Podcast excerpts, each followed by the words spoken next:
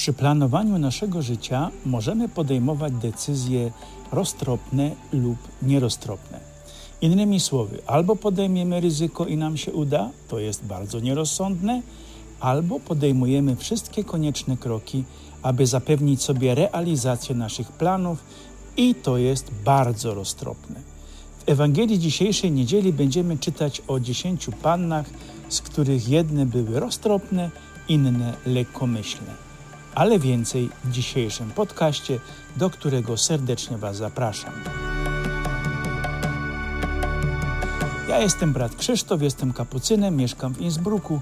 Regularnie co sobotę od godziny 12 możecie usłyszeć moje rozmyślania na temat niedzielnych czytań, które umieszczam w podcaście pod nazwą Ja. Mhm.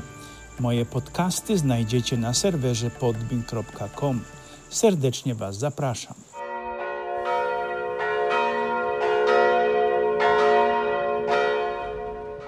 Przypowieść o pannach roztropnych i nieroztropnych w wersji świętego Mateusza została też przetłumaczona bardzo rozsądnie. Ja bym został przy pannach mądrych i pannach głupich, bo rozsądnym lub nierozsądnym można być podejmując życiowe wyzwania albo wychodzić za mąż.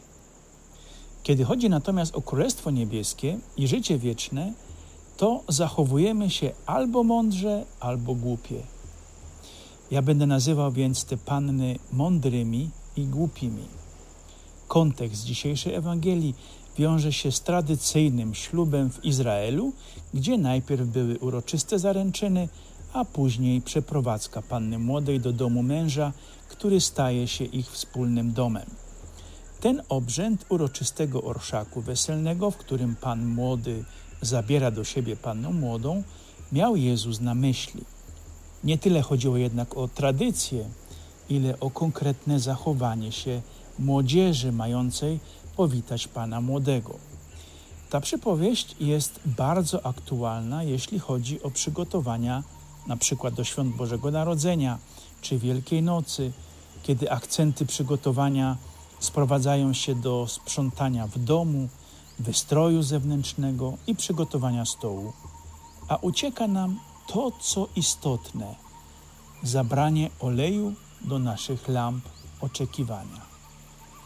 Wielu z nas w tym wypadku jest po prostu głupich. Wielkie jest znaczenie bycia odpowiednio przygotowanym na przyjście Mesjasza w chwale, bo o to chodzi Jezusowi w tej przypowieści.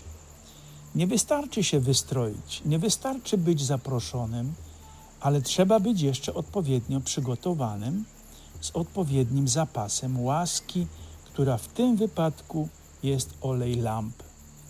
Jak owi ludzie z uczty zebrani na z ulicy, do których Pan zaprosił, wystawiając ucztę, nie miał człowiek przebrania, wyleciał z uczty w ogień wieczysty.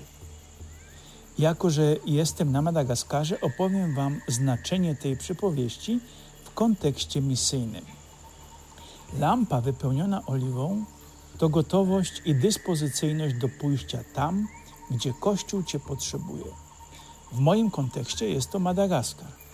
Zabierasz ze sobą swoje powołanie, pragnienia, duchowość i całe zaplecze techniczne, czyli tak zwaną prokurę misyjną, instytucję w Twojej macierzystej prowincji, która troszczy się o Ciebie i Twoją misję, aby Ci niczego nie brakowało konkretnym wypadku to akurat ja jestem prokuratorem.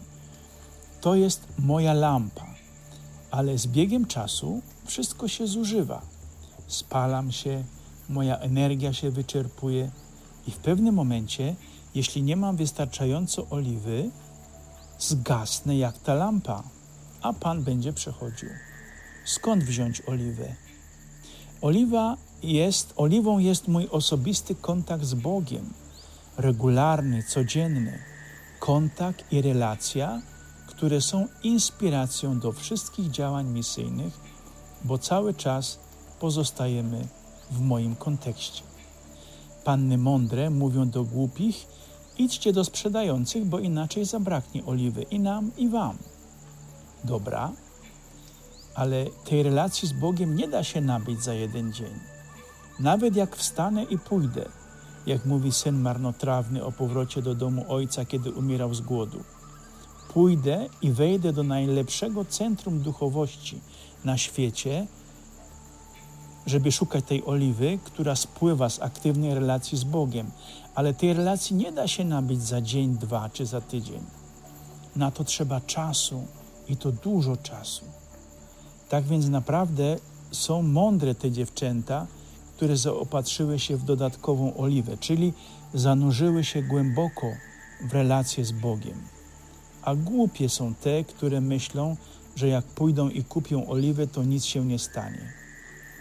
Mówi Jezus, że stanie się, owszem, mimo Twojej gorliwości, gotowości, obecności.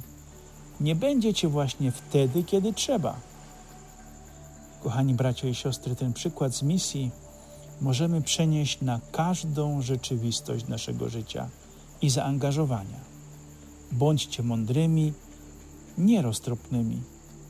Wybierzcie dobrze, a Pan obdarzy Was pokojem.